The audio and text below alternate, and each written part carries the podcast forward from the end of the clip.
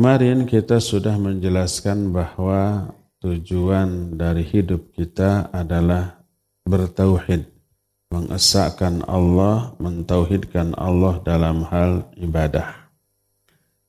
Selanjutnya berkata muallif rahimahullah فإذا عرفت أن الله خلقك لعبادته فاعلم أن العبادة لا تسمى عبادة إلا مع التوحيد كما أن الصلاة لا تسمى صلاة إلا مع الطهارة Kalau kita sudah tahu bahwa Allah menciptakan kita untuk beribadah kepadanya, maka ketahuilah bahwa ibadah tidak disebut ibadah alias tidak sah ibadahnya dengan kata lain tidak diterimanya tidak akan diterima ini ibadah kecuali dengan tauhid. Arti dengan tauhid itu adalah diesakan Allah dalam ibadah itu. Maksudnya ibadahnya hanya hanya hanya ditujukan kepada Allah dan tidak boleh dicampur dengan ibadah kepada selain Allah. Jadi tauhid ini syarat sahnya ibadah. Sebagaimana solat tidak bisa disebut solat kecuali dengan toharah. Kecuali dengan wudhu. Kalau orang solat tapi tidak wudhu, padahal dia batal. Dia sudah mungkin ke WC, langsung sholat. Tidak wudhu dulu, tidak sah sholatnya, tidak diterima sholatnya, tidak dipahalai sholatnya, karena toharoh atau bersuci merupakan syarat sahnya sholat. Begitu juga kalau orang ibadah tapi tidak bertauhid maka ibadahnya tidak sah. Fa'idha dakhala syirku fil ibadah fasadat kahadathin idha dakhala fit tuharah. Kalau di dalam ibadahnya tercampuri syirik, rusak itu ibadah. Sebagaimana hadas apabila masuk kepada tohar. Kita sudah wudhu, sudah bersuci, sudah tohara, tiba-tiba buang angin atau tiba-tiba kencing atau BAB, maka toharohnya bersucinya gimana? Batal. Tidak boleh dipakai ibadah. Atau bagi wanita keluar darah haid atau nifas maka wudhunya otomatis batal. Begitu juga ibadah kalau tercampur syirik, baik syirik besar, bahkan syirik kecil, terhapus pahala ibadah. Kalau umpamanya di dalam ibadah solatnya ada syirik kecil berupa ria, solatnya ingin dipuji, ditolak itu solat. Dan tidak hanya ditolak tapi juga di apa? Diazab. Fawailul lil musallin. Celaka tuh orang yang sholat. Bakal diazab, dihukum. Sholat yang bagaimana? Salah satunya alladzina hum yuro'un. Itu yang ria di dalam sholat. Ria merusak ibadah sholat. Sebagaimana keluar angin, keluar air kencing, merusak kesucian wudhu orang tersebut. Jadi inilah syarat ibadah harus bertauhid.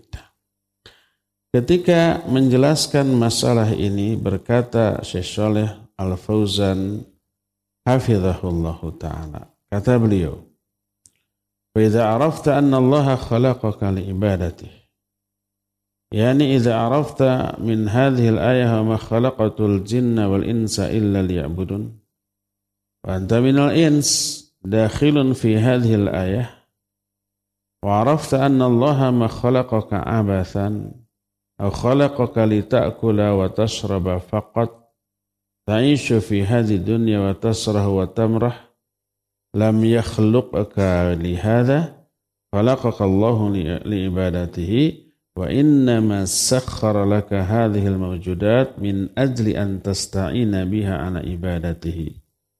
لأنك لا تستطيع أن تعيش إلا بهذه الأشياء ولا تتوسل إلى عبادة الله إلا بهذه الأشياء.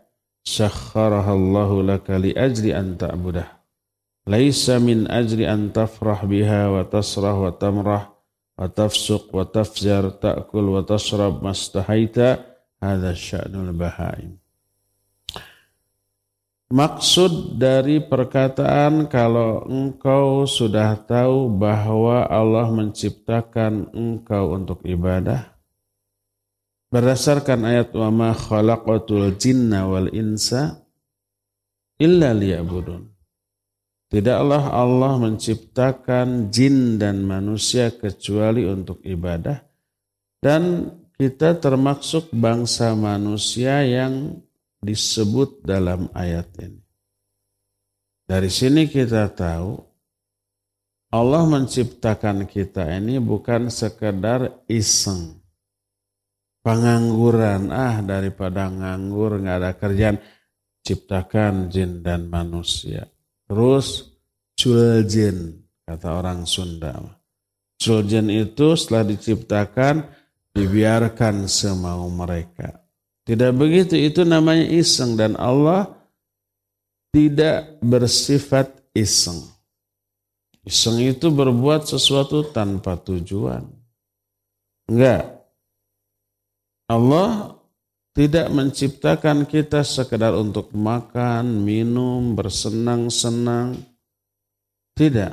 Tapi Allah ciptakan untuk ibadah Lalu seluruh alam jagat raya ini Allah tundukkan, Allah ciptakan, Allah sediakan untuk kita sebagai penunjang ibadah. Karena kita tidak bisa ibadah tanpa faktor penunjang. Tanpa makanan, tanpa minuman, tanpa pakaian, tanpa kendaraan, kita tidak bisa ibadah. Tidak makan, tidak minum, lemes. Nggak bisa ibadah. Tidak berpakaian, nggak bisa ibadah. Syarat sholat menutup aurat. Tanpa adanya kendaraan, tidak bisa umpamanya haji atau umroh. Jadi untuk ibadah perlu faktor penunjang. Faktor penunjangnya juga Allah sediakan bagi kita. Semuanya makanan tersedia di alam, pohon-pohon, tanaman, binatang-binatang, tanah. Itu semua sumber makanan bagi kita. Untuk apa? Untuk dijadikan penunjang ibadah. Bukan dijadikan sebagai alat untuk hanya bersenang-senang semata-mata. Yang penting bisa makan, enak, kenyang. Yang penting bisa minum, enak, kemudian segar. Yang penting kalau kita capek, lelah, ngantuk, bisa tidur, istirahat. Itu mah prinsip hidup seekor binatang. Binatang hidup hanya untuk itu. Binatang mau untuk makan, untuk minum, untuk tidur, untuk kawin, hanya itu. Dan Binatang oleh Allah diciptakan untuk itu agar hidup sebagai sumber makanan bagi kita atau sumber alat kendaraan yang bisa menghantarkan kita ke tempat yang jauh. Jadi beda, itu binatang. Adapun ada miun kita, Allah ciptakan kita untuk tujuan yang agung yaitu ibadah kepada Allah. Dan ibadahnya kita kepada Allah bukan untuk kepentingan Allah. Apakah kalau Allah diibadati oleh kita, Allah jadi tambah kekuasaannya? Allah jadi kena, jadi jadi kenyang, Allah jadi kuat? Tidak. Allah menyatakan setelah mengatakan wa ma khalaqatul jinna wal insa ma uridu minhum mir rizqin wa ma uridu minhum ayyut'imun. Tidaklah aku ciptakan jin dan manusia kecuali untuk ibadah kepadaku aku tidak menginginkan rizki dari manusia atau jin dan aku tidak ingin mereka memberi makan kepadaku enggak Allah menyuruh ibadah kepada kita bukan untuk kepentingan Allah Allah lah yang memberi makan dan tidak perlu diberi makan. Karena Allah tidak butuh makanan, tidak butuh minuman, tidak butuh apa pun dari alam jagat raya ini. Allahu ghaniyun anil alamin. Allah ghani terhadap alamin. Ghani itu tidak butuh terhadap seluruh alamin.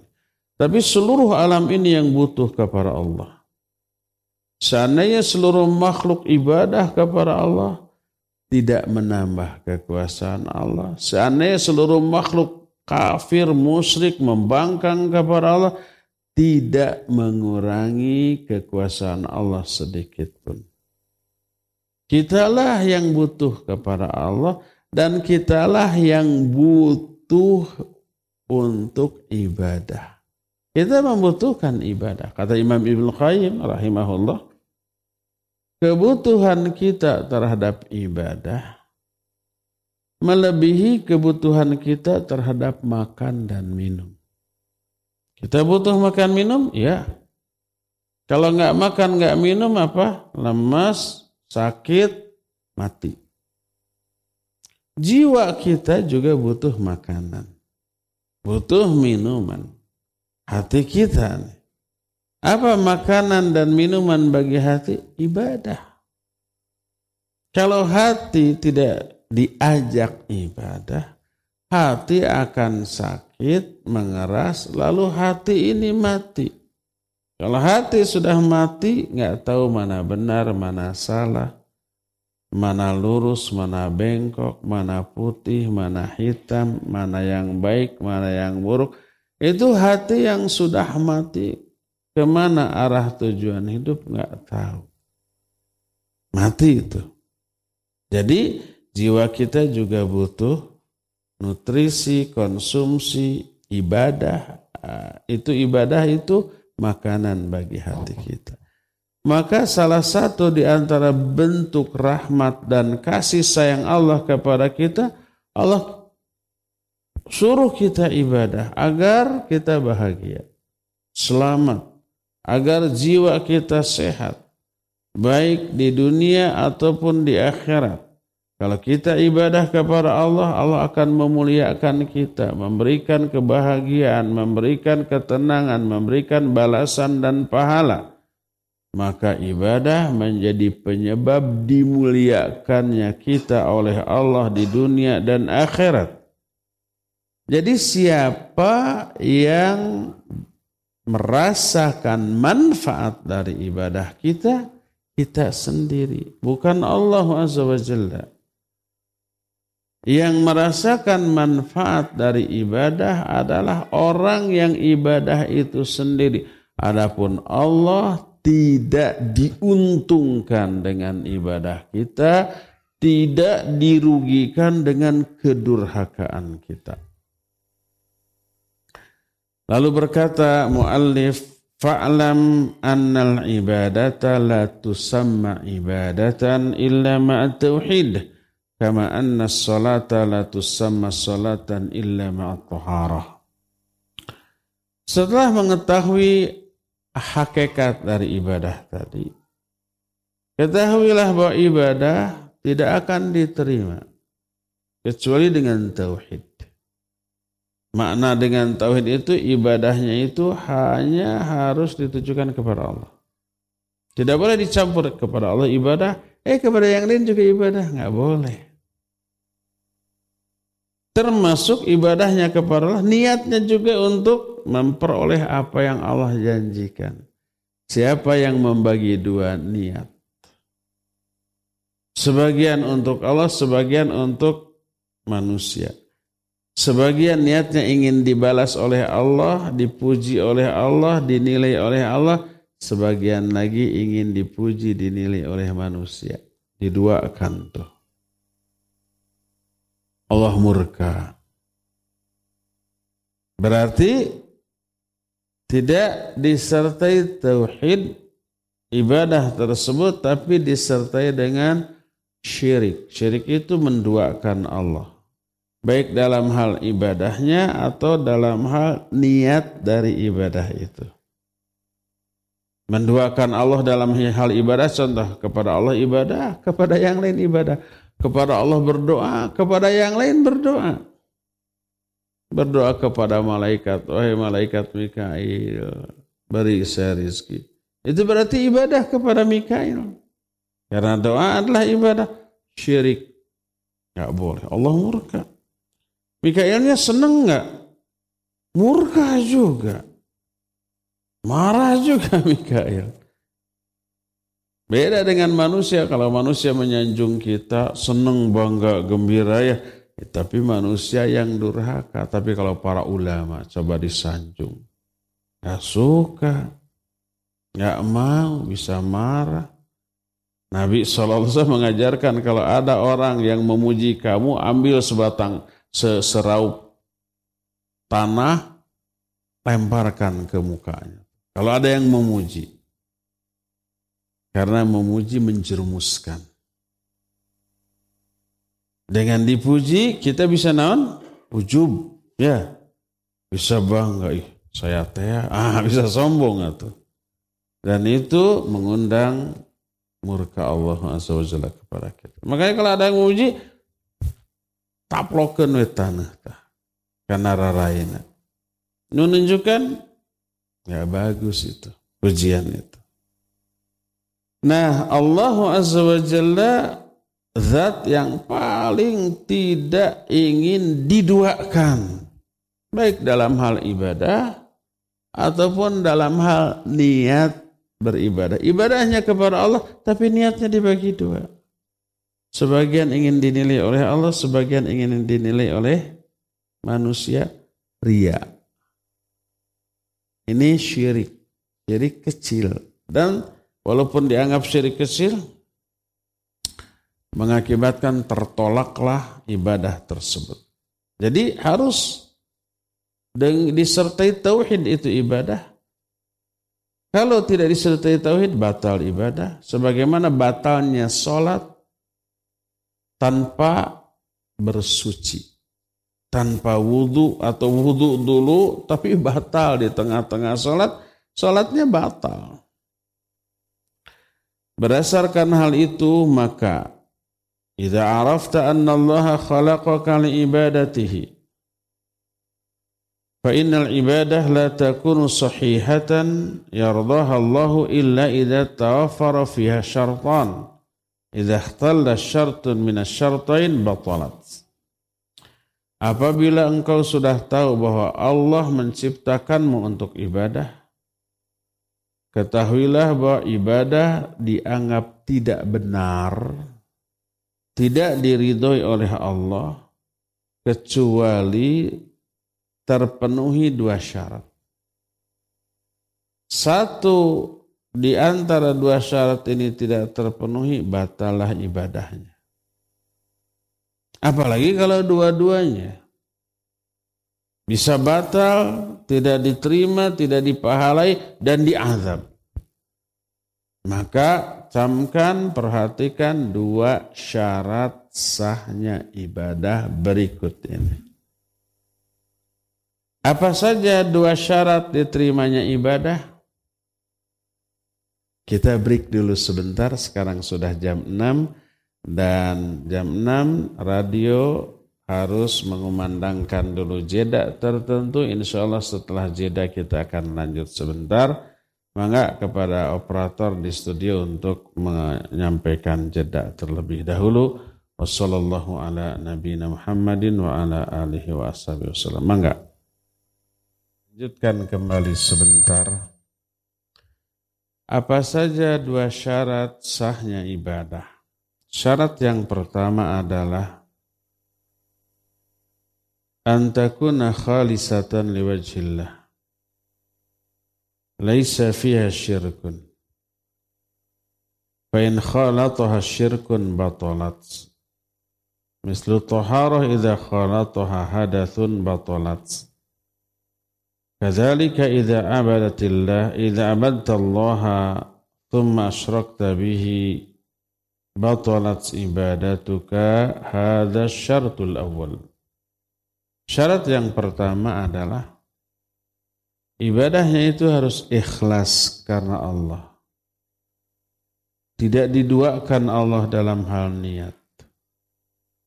Kalau tercampuri niat untuk selain Allah namanya syirik kalau tercampuri syirik batalah ibadahnya seperti batalnya toharoh atau bersuci batal kalau berhadas. Setelah bersuci kita keluar angin. Setelah bersuci kita kencing. Setelah bersuci kita ke WC. Batal. Seperti itu kalau kita ibadah kemudian berbuat syirik menduakan Allah dalam hal niat ibadah maka gugur ibadah tersebut. Ini syarat yang pertama, ikhlas. Maksud ikhlas adalah niatnya murni untuk memperoleh apa yang ada di sisi Allah. Tidak boleh dicampur untuk memperoleh apa yang ada di sisi manusia. Pujiannya, sanjungannya, penilaiannya, apalagi bayarannya. Mau ibadah asal dibayar. Mau melakukan amal soleh asal diberi jabatan. Nah itu berarti niat ibadahnya tidak ikhlas untuk dunia. Bukan untuk memperoleh apa yang ada di sisi Allah. Tapi selama niatnya untuk memperoleh apa yang ada di sisi Allah seperti ridho Allah, ampunan Allah, rahmat Allah, cinta Allah, pahala dari Allah, surga dari Allah, maka ya itu ikhlas. Syarat yang kedua al-mutaba'ah Rasul alaihi salatu wassalam. Mengikuti Rasul sallallahu alaihi wasallam. Cara ibadahnya seperti cara ibadah Nabi sallallahu alaihi wasallam. Tidak ditambah, dikurang apalagi dirubah. Siapa yang cara ibadahnya ngarang sendiri, dicampur, ditambah, dikurang, dirubah, maka ditolak itu ibadah. Sebagaimana sabda Nabi SAW, Man amila amalan laisa alaihi amruna fahuwa raddun. Siapa yang mengamalkan satu amal ibadah, tapi tidak mencontoh aku dalam melakukan ibadah itu, maka ibadah itu ditolak. Man ahdatsa fi amrina hadza ma laysa min radd. Siapa yang mengada-adakan urusan baru dalam agama kita yang bukan bagian dari agama kita maka tambahan itu yang diada-adakan itu ditolak. Di zaman nabinya tidak ada, hayo diada-adakan oleh kita. Lalu dianggap bagian dari agama ini. Maka ditolak. Tidak akan diterima oleh Allah subhanahu wa ta'ala. Jadi ibadah harus sesuai dengan contoh dari Nabi. Tidak boleh mengikuti apa yang dianggap baik oleh manusia. Oh ini bentuk perbuatannya baik, niatnya baik lalu dianggap baik. Enggak. Sesuatu dianggap baik kalau baik menurut agama. Apa yang tidak dianggap baik oleh agama jangan dianggap baik walaupun semua manusia menganggapnya baik. Dari sinilah maka apabila orang melakukan ibadah tapi dia ikhlas Cuma cara ibadahnya campur aduk dengan budaya adat setempat dengan perasaan yang ditambah-tambahkan maka tertolak. Atau sesuai sunnah tapi ria juga tertolak. Apalagi dua-duanya ya ria, ingin dipuji, ingin dilihat, ingin didengar, ya bid'ah. Oh tambah-tambah. Ya, tambah ditolak. Ada orang yang ria dengan kebidahannya? Ada. Banyak. Umpamanya cecelewengan ingin didengar. Ingin dipuji jam tilu menunjuk jam tiga. Menunjukkan kita ini sudah bangun ibadah Lalu teriak-teriak. Ayah anak itu. Ria iba ya ya bidah ya ria. Dua-duanya double ya. Tertolak pasti. Karena tidak memenuhi syarat-syarat diterimanya ibadah. Inilah dua syarat diterimanya ibadah. Insya Allah kita akan lanjut penjelasan masalah ini di hari uh, Senin yang akan datang cukup sampai di sini saja dan kita masuk sesi tanya jawab. Kepada host di uh, studio dipersilakan untuk memandu tanya jawab dengan pendengar dan pemirsa. Wassalamualaikum ala nabiyina Muhammadin wa ala alihi wa. Silakan. Nah, syukron Ustaz atas uh, penjelasan yang telah disampaikan di kesempatan pagi hari ini, pembahasan kitab Al-Qaidul Arba ini. Baik untuk kesempatan pertama kita buka uh, pada jamaah yang hadir di Masjid Umar bin Khattab. Kami persilahkan. Assalamualaikum warahmatullahi wabarakatuh. Waalaikumsalam. Saya, saya ingin bertanya tentang masalah puasa, puasa sunat. Kan puasa sunat itu ada yang hari Senin, ada yang hari Kamis, dan ada seperti yang diwasiatkan oleh Rasulullah kepada Abu Bakar. Abu Bakar kamu harus puasa tiga hari dalam satu bulan. Nah, yang utama itu apakah hari Senin Kamis atau hari yang tiga hari puasa itu sebulan. Nah, yang kedua saya ingin bertanya masalah ibadah juga. Ada eh, terutama para pejabat ya yang mengatakan Assalamualaikum warahmatullahi wabarakatuh. Terus ditambah-tambah dengan hong amil heng amil heng itu tuh, tuh apa tuh? Apakah itu juga? Ditambah apa? Kan suka ada uh, assalamualaikum warahmatullahi wabarakatuh. Terus pakai salam-salam agama lain seperti ah. hamilaheng hamilaheng itu tuh apakah itu uh, termasuk bid'ah juga? Assalamualaikum warahmatullahi wabarakatuh. Waalaikumsalam warahmatullahi wabarakatuh. Taib barakallahu fik. Ada dua pertanyaan. Saum ayyamul bid Tiga hari Setiap bulan yang dianjurkan. Yang paling afdol, paling utama di pertengahan bulan.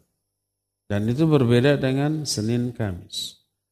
Kita terbiasa Senin Kamis lalu juga melakukan som ayamul bid bagus. Ayamul bid itu paling utama di pertengahan bulan tanggal 13, 14 ataupun 15. Itu yang paling utama. Kalau tidak memungkinkan di tanggal-tanggal tersebut atau kelewat karena lupa, karena kita kan sering tidak ingat kepada tanggal hijriah ya. Rata-rata yang kita ingat setiap hari tanggal apa? Masehi. Jadi kapan 13, 14, 15 hijriah jarang tahu, jarang ingat. Kelewat. Tanggal berapa sekarang? 16. Uluh enggak belum ayamul bid. Boleh kapan saja. Ayamul bid tiga hari setiap bulan boleh kapan saja. Tapi yang paling utama adalah di pertengahan bulan. Tanggal 13, 14, 15 dan itu di luar saum Senin Kamis. Jadi Senin Kamis kita tetap, ayamul bid juga kita tetap dibolehkan. Hanya ayamul bid tidak boleh dilakukan di hari Jumat secara infirad. Infirad itu menyendiri di hari Jumat. Tapi boleh kalau diawali dari hari Kamisnya. Ya. Itu tentang ayamul bid. Jadi kesimpulan ayamul bid berbeda dengan saum Senin Kamis. Kita Senin Kamis terus ayamul bid. Ayamul bid paling utama di pertengahan bulan. Tapi kalau kelewat tidak memungkinkan, baik lupa atau karena yang lainnya, tidak memungkinkan di pertengahan bulan, boleh di awal atau akhir bulan, tiga hari. uh, bukan qadha, pokoknya tiga hari ayamul bid itu tiga hari di satu bulan tersebut. Yang paling utama di pertengahan bulan, kalau tidak memungkinkan boleh kapan saja. Ini yang pertama. Kedua ada orang yang pidato di hadapan banyak orang dengan agama yang beragam. Islam ada, Nasrani ada, Hindu, Buddha ada, ateis juga mungkin ada. Lalu menyampaikan salam Assalamualaikum warahmatullahi wabarakatuh. Lalu ditambah dengan salam khas agama lain. Saya tidak ingin mengatakan. Jadi uh, dia menyampaikan salam dalam versi agama Islam yaitu Assalamualaikum warahmatullahi wabarakatuh. Dia juga menyampaikan salam dalam versi agama Buddha, agama Hindu, agama yang lain. Bagaimana hukumnya? Ketika dia menyampaikan salam versi agama Islam Assalamualaikum warahmatullahi wabarakatuh, dia dapat pahala. Tapi ketika dia menyampaikan salam versi agama lain, dia berdosa besar. Bisa syirik enggak? Ya tergantung isi salam dalam agama lain. Kalau isi salam dalam agama lain mengandung makna keyakinan adanya sesembahan lain selain Allah, syirik. Seperti salam dalam agama kita, Semoga keselamatan dilimpahkan oleh Allah kepada kalian dan juga kesejahteraan. Di dalam salam terkandung tauhid rububiyah yaitu yang memberikan keselamatan, kesejahteraan, yang mengatur kehidupan itu Allah. Kalau dalam salam agama lain ada isi salam yang maknanya semoga dewa kalian umpamanya memberikan kesejahteraan. Berarti dia meyakini ada sesembahan lain selain Allah itu syirik. Umpamanya umpamanya ya dalam bahasa agama lain umpamanya.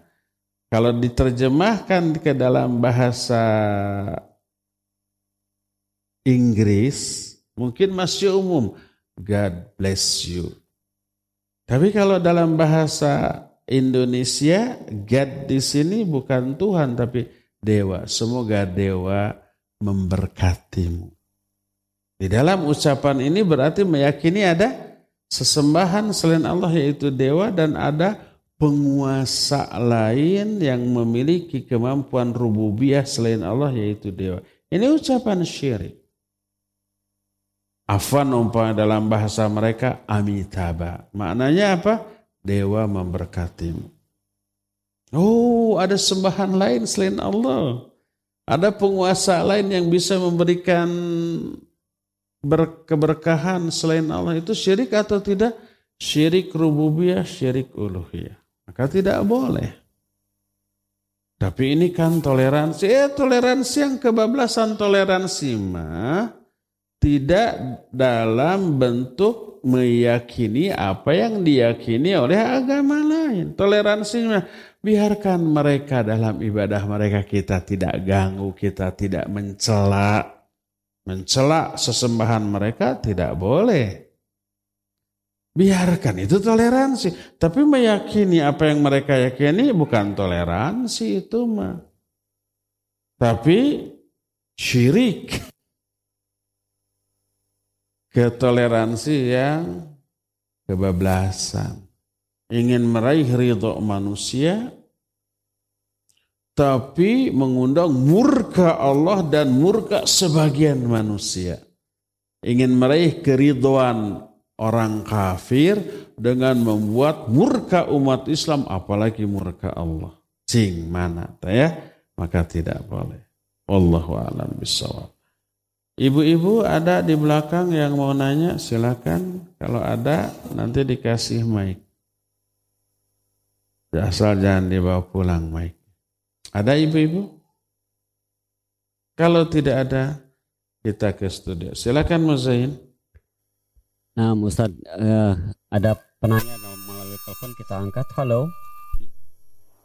Assalamualaikum warahmatullahi wabarakatuh. Waalaikumsalam warahmatullahi wabarakatuh. Dari siapa di mana Bapak? Dari Abu Safia di Parompong tadi. Ya. Mangga silakan Pak. Assalamualaikum warahmatullahi wabarakatuh Ustaz. Waalaikumsalam. Pak Ustaz saya mau nanya Pak Ustaz. Uh, tadi pagi saya sholat subuh di salah satu masjid. Uh, kebetulan uh, saya dapat staff yang paling depan di belakang kosong Pak Ustaz. Ada begitu ada kita takbir, ada satu orang yang mengisi di belakang terus uh, apa juga uh, kayak saya suruh ke belakang menyapa dulu ke belakang lumut pundak. Tapi saya tidak mau Pak Ustaz karena uh, yang saya tahu ajarannya kan harus di depan Pak Ustaz. Ini sepertinya gimana Pak karena sering terjadi kadang-kadang uh, harus ada yang menemani di belakang Pak Ustaz sebetulnya seperti apa nih Ustaz? Terima kasih Ustaz. Assalamualaikum warahmatullahi wabarakatuh. Assalamualaikum warahmatullahi wabarakatuh. Silakan Muzain diperjelas. Di saat di soft pertama Ustadz. Jadi di belakang ada satu orang lagi. Nah, nah uh, karena di belakang itu satu orang, beliau ditarik lagi ke belakang untuk menemani itu gitu. Nah itu tuh bagaimana katanya Ustadz? Uh, Pak Abu siapa di Parongpong Lembang kalau sop pertama sudah penuh, imam sudah takbir, makmum semua sudah takbir, datang seorang lagi. Dia tidak bisa masuk ke sop pertama karena sudah penuh. Apa yang harus dia lakukan? Dia berdiri di sop kedua sendirian. Tepat di belakang imam posisinya. Jangan di pinggir. Tapi di belakang imam, di tengah-tengah. Boleh nggak dia menarik orang ke belakang? Nggak boleh. Untuk apa menarik? Kalau dia beralasan tidak sah sholat atau tidak ada sholat bagi orang yang bersendirian di belakang soft. Ada hadis itu? Ada. Tapi itu maksudnya bagi orang yang tidak masuk ke soft depan padahal masih kosong, masih ada, lalu dia bikin soft baru sendirian di belakang. Maka tidak boleh, ini tidak sah. Dia bisa masuk ke soft, tapi ah di belakang we. malah terhalang oleh beberapa soft kosong. Ingin sendirian we ngarah salse, ngarah harine, ngarah supaya tidak berdesak-desakan gitu ya sendirian. Enak, nyaman. Padahal soft di depan masih kosong, tidak sah. Tidak boleh. Adapun kalau soft sudah full, sudah penuh, tidak bisa, ya sudah. Sendirian di belakang karena ada uzur. Uzurnya apa? Tidak bisa masuk ke soft depan karena sudah penuh. Dan sholatnya tetap sah. Adapun menarik orang itu menimbulkan madarat yang besar. Setidaknya ada tiga madarat. Madarat pertama tentu saja mengganggu orang. Orang yang dibedoa, yang ditarik, terganggu nggak konsentrasinya? Ter terganggu. Terus yang kiri kanan terganggu, terganggu itu ada orang mau mundur gitu kan? Kedua, merusak soft. Soft yang sudah rafat kita tarik, jadi apa? jadi renggang. Mungkin nanti si saf itu dirapatkan lagi bergeser, semua bergeser mengganggu, semua satu saf itu jadi terganggu. Ini madarat kedua. Dan madarat ketiga adalah memindahkan orang lain dari tempat yang utama ke tempat yang kurang utama. Saf di depan kan utama ya, dia mungkin berebut untuk menempati saf di depan di belakang imam. Dan itu adalah posisi yang yang utama. Pahalanya lebih besar keutamaannya lebih besar. Sudah capek-capek berebut dan dapat dibedol ditarik ke belakang. Sehingga menempati saf di belakang. Nah ini madarat yang ketiga. Oleh karena itu tidak boleh menarik orang dari depan ke belakang. Kalau soft sudah penuh sudah, berdirilah dia sendirian. Dan sholatnya tetap sah. Sehingga hadis yang menyatakan tidak ada sholat bagi orang yang berdiri sendirian di belakang soft, maksudnya adalah ketika soft di depan masih ada yang kosong, tapi sengaja dia membuat soft baru sendirian di belakang, maka itu tidak sah ya demikian wallahu a'lam bissawab ada lagi? Mangga ya. Uh, bismillahirrahmanirrahim. Uh, ahsanallahu ilaikum Ustaz. Ana izin bertanya uh, kan tadi disebutkan kalau syarat ibadah itu salah, salah satunya adalah uh, ikhlas kepada Allah. Kan Ana kadang lihat misalnya di akun akun dagang punya siapa gitu misalnya di media sosial kadang posting uh, faedah dan nasihat-nasihat gitu dan biasanya kan kalau yang seperti itu udah direncanakan dan salah satu tujuannya bisa jadi ingin meningkatkan viewers agar uh, ngelihat barang dagangan mereka gitu yang seperti itu apa termasuk eh, tercampuri niatnya Ustaz. Al-Sof ya? Eh, apanya Ustaz? Al-Sof. Iya. Taib. Taib barakallahu fiqh. Ada orang dagang secara online. Namanya all shop tadi. Online shop. Toko online. Jadi barang-barang yang dia jual di foto atau kadang video lalu diupload ke akun dia di internet, di media sosial dia. Jadi orang bisa melihat barang-barangnya gitu. Nah, kalau ada yang tertarik beli. Bisa COD, bisa macam transfer, bisa macam-macam. Untuk menarik viewers. Viewers itu orang yang melihat akun dia, orang yang melihat media sosial dia, orang yang melihat dagangan dia disebut viewers. Nah, untuk menarik minat viewers, maka dia cantumkan ayat. Dia cantumkan hadis. Dia cantumkan perkataan para sahabat, para ulama, kadang-kadang di-upload umpamanya potongan video tausiah pendek ustaz, gitu kan? Sehingga orang tertarik.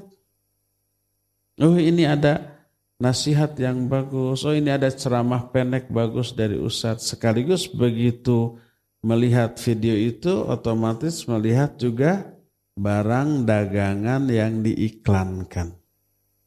Jadi niat dia mengupload video dakwah, ceramah pendek, nasihat agar orang itu melirik dagangan dia lalu minat membeli gitu ya. Apa boleh atau tidak? Taib barakallahu fiqh. Kalau niat dia, niat dia murni apa namanya uh, dakwah. Orang yang melihat video tulisan dakwah itu sebodoh amat mau beli mau tidak. Mau lihat dagangan saya mau tidak nggak masalah. Yang penting tujuan saya adalah agar orang dapat hidayah melalui postingan yang saya upload ini. Maka dia berpahala. Tapi kalau ada niat, nah dengan mengupload video pendek nasihat para ustadz, maka dia berharap orang jadi melirik dagangannya lalu membeli. Kalau umpamanya tidak dengan niat itu tidak akan diupload. Umpah kalau sudah ternyata Orang-orang ini sudah banyak tahu dagangan kita dan laku. Ah, nggak perlu lagi mengupload. Nasihat, nggak perlu lagi mengupload uh, petikan ayat atau hadis atau nasihat para ulama sudah laku. Akhirnya dakwahnya berhenti. Berarti murni untuk itu, itu tidak boleh. Di dalam kitab Tauhid yang pernah kita bahas, ada satu bab yaitu beramal dengan amalan akhirat dengan niat memperoleh keuntungan dunia. Itu naw' min anwa'i syirk. Termasuk salah satu di antara jenis syirik karena salah niat atau menduakan niat ibadah yang dia lakukan niatnya untuk memperoleh keuntungan dunia tadi. Ini kerusakan tauhid. Jadi kita tidak tahu niat orang yang dagang all shop tadi memposting video pendek yang berisi nasihat apakah murni dakwah tanpa ada keterkaitan dengan ini tapi justru dijadikan alat menarik viewers agar melirik ini kemudian uh, mengupload. Sebagai contoh begini, kita dagang restoran. Orang yang beli di restoran kita nggak akan semenit dua menit. Karena makan. Mungkin bisa 15 menit, setengah jam. ya. Nah, agar ada nilai dakwah, selama orang-orang makan di setel, mungkin TV, mungkin radio yang isinya dakwah. Agar sambil makan sambil dengar. Dia dapat keuntungan double. Pertama, keuntungan dari segi dunia yaitu laku. Yang kedua, dapat pahala mendakwahi para konsumen. Jadi murni saja dia mah untuk mendakwahi para konsumen daripada nyetel lagu kan umum-umumnya rumah makan untuk menghibur nyetel apa? Musik kadang-kadang live. Live itu langsung ada orangnya, ada organ tunggalnya, ada sound sistemnya. Gitunya sok ayah ya tete. Apalagi hari libur Sabtu Ahad. Paciwuh ya Pas waktu sholat, anger nyanyi. Aduh, orang tenuju sholat teh ciwe. Ayo ditegor, ngamuk geranya. Saya tuh cari makan tahu, wah kayak gitu. Kantos. Tingkang atau liren hela sarolat tuh. Saya mah cari makan pak di sini bukan untuk mengganggu. Udah nggak ganggu. Kalau umpamanya saya berhenti karena ada yang sholat, sholatnya terus-terusan pak sampai nanti. Jadi saya nggak bisa dapat uang gitu. Ah, ciwehnya. Akhirnya komplainnya ke manajernya, bukan ke orangnya. Nah, jadi daripada nyetel musik, lebih baik setel. Apa namanya? Pengajian. Jadi niatnya mendakwahi. Maka itu bagus. Kalau ternyata itu menjadi menarik konsumen, cuceu. Apa cuceu teh? Jadi menyebar beritanya di restoran anu mas sambil makan teh sambil dengerin kajian adem banget akhirnya banyak orang berdatangan itu mah barokah bagi dia asal niat awal apa namanya mendakwahi para konsumen itu bagus ya demikian wallahu alam bisawab cukup sampai sini subhanakallahumma bihamdik asyhadu an la ilaha illa anta Astaghfiruka wa atubu ilaik walhamdulillah rabbil alamin. Wassalamualaikum warahmatullahi wabarakatuh.